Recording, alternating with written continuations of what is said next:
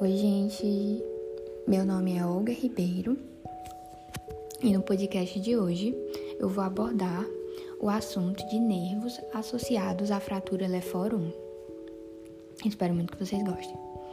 Bom, primeiramente, o artigo que eu utilizei foi Recuperação de Sensibilidade após Osteostomia, Lefort 1, dos autores Nathalie Nádia, Isadora Serafim, Joana Larissa, Ana Caroline Daniel de Sá e Ernest Cavalcante como base para minha pesquisa.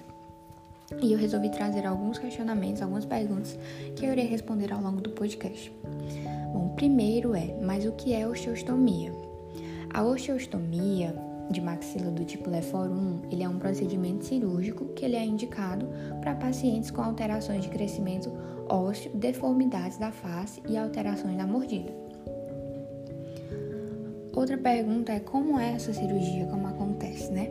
A técnica cirúrgica, ela consiste com uma incisão alta horizontal no fundo de suco, do primeiro molar a primeiro molar, com uma dissecção subperiosteal, onde expõe a parede anterior da maxila e superiormente identificando o nervo infraorbital. A dissecção ela se estende para a cavidade nasal para levantar a mucosa nasal a partir do soalho do nariz e das paredes nasais laterais até a concha nasal inferior. As paredes nasais laterais elas são divididas com uma osteostomia, dirigindo-se posteriormente apenas para a região de molar, a fim de evitar lesões diretas do feixe vasculo nervoso palatino e depois o septo é separado com osteostomia ao longo do soalho nasal. Depois de todos esses procedimentos, é bom a gente saber quais nervos estão envolvidos nessas áreas, né? E a melhor resposta é que, tipo assim, muitos nervos estão envolvidos nessas áreas. A inervação sensorial da área envolvida na leforum faz parte da segunda divisão do trigêmeo, além de parte anterior do, do septo nasal e da parede nasal lateral, são fornecidos por ramos nasais internos do nervo etimoidal anterior. O nervo maxilar, ele cruza também a fossa palatina e ele entra na órbita através da fissura orbital inferior, e ele passa a ser chamado de nervo infraorbital. Na órbita, o nervo infraorbital, ele emerge na face pelo forame do mesmo nome, forame, forame infraorbital para suprir a pele da face média. E ao longo do canal infraorbital, ele emite vários ramos, que são os ramos alveolares, que tem o superior, o médio e o anterior.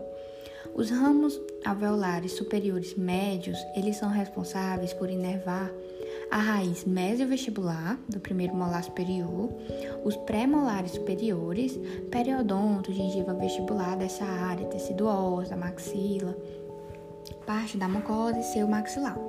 Já os ramos alveolares superiores anteriores, eles dão sensibilidade dos caninos, incisivos superiores, periodonto, gengiva, vestibular dessa região, tecido ósseo da maxila, parte da mucosa e do seu maxilar.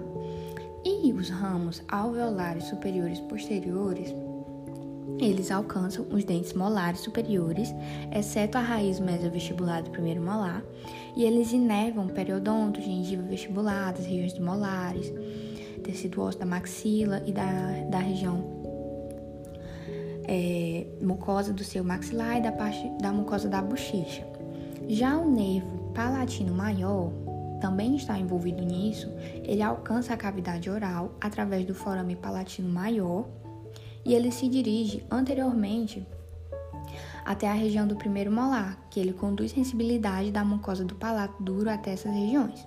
E o nervo palatino menor, ele alcança a cavidade oral pelo forame palatino menor e ele dirige-se posteriormente com sensibilidade à mucosa do palato mole, úvula, tonsila palatina.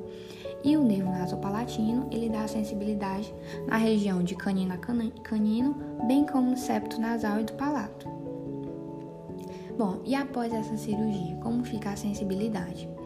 Foi observado que a sensibilidade da mucosa oral, abaixo da excisão vestibular, ela só volta depois de mais ou menos seis meses. E a sensibilidade dos dentes superiores, depois de seis meses, volta 90%.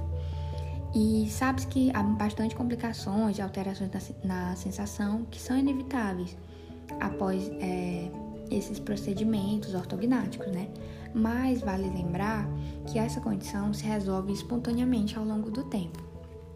E o resultado varia de paciente a paciente de acordo com as alterações fisiológicas né, e anatômicas.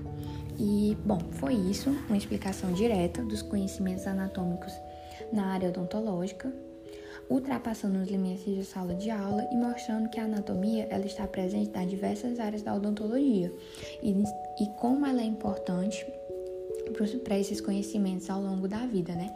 Em uma cirurgia que precisamos fazer, olha o tanto de nervo, o tanto de, de conhecimentos anatômicos que são necessários para fazer isso acontecer. Então, a anatomia é de suma importância na vida da, do cirurgião dentista e está presente todos os dias dentro do consultório ao longo da sua vida.